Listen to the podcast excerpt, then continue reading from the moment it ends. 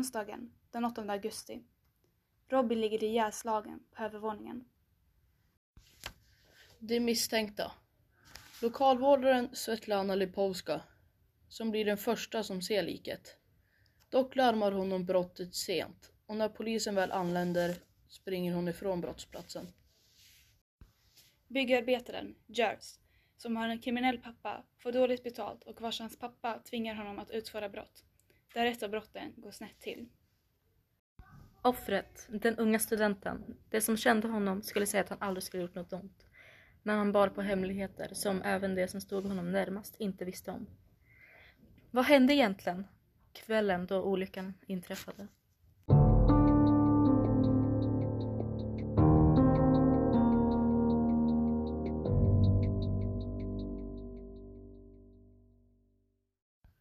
Då ska vi svara lite på frågor. Vera, vad tyckte du när du läste om brottet? Jag tyckte att det var väldigt intressant hur det utspelade sig. Liksom, man kunde verkligen känna paniken hos mördaren. Ja, Som jag tror att det är. jag vill verkligen berömma Sofie, hur hon beskriver känslor. Mm. Hon får en verkligen att känna en, att man är med. Ja, det är väldigt bra gjort. Ja. Men eh, vad tror du kommer hända senare i boken då? Jag tror att man kommer få djupare insikt på hur, liksom, hur det hände. Ja, uppenbarligen så blir det så, men alltså. Hur karaktärerna utvecklas Ja. och deras förflutna. Så. ja.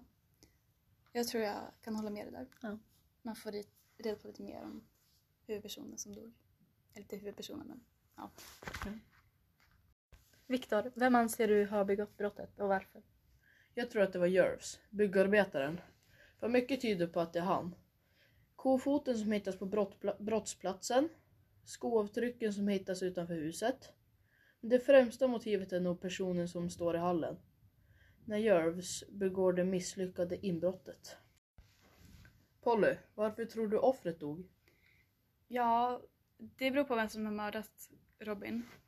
Om det var Jers, vilket som jag tror, eh, så var det nog i ren panik och att personen som står i hallen såg för mycket. Det är vad jag tror. Ja, det håller jag med om.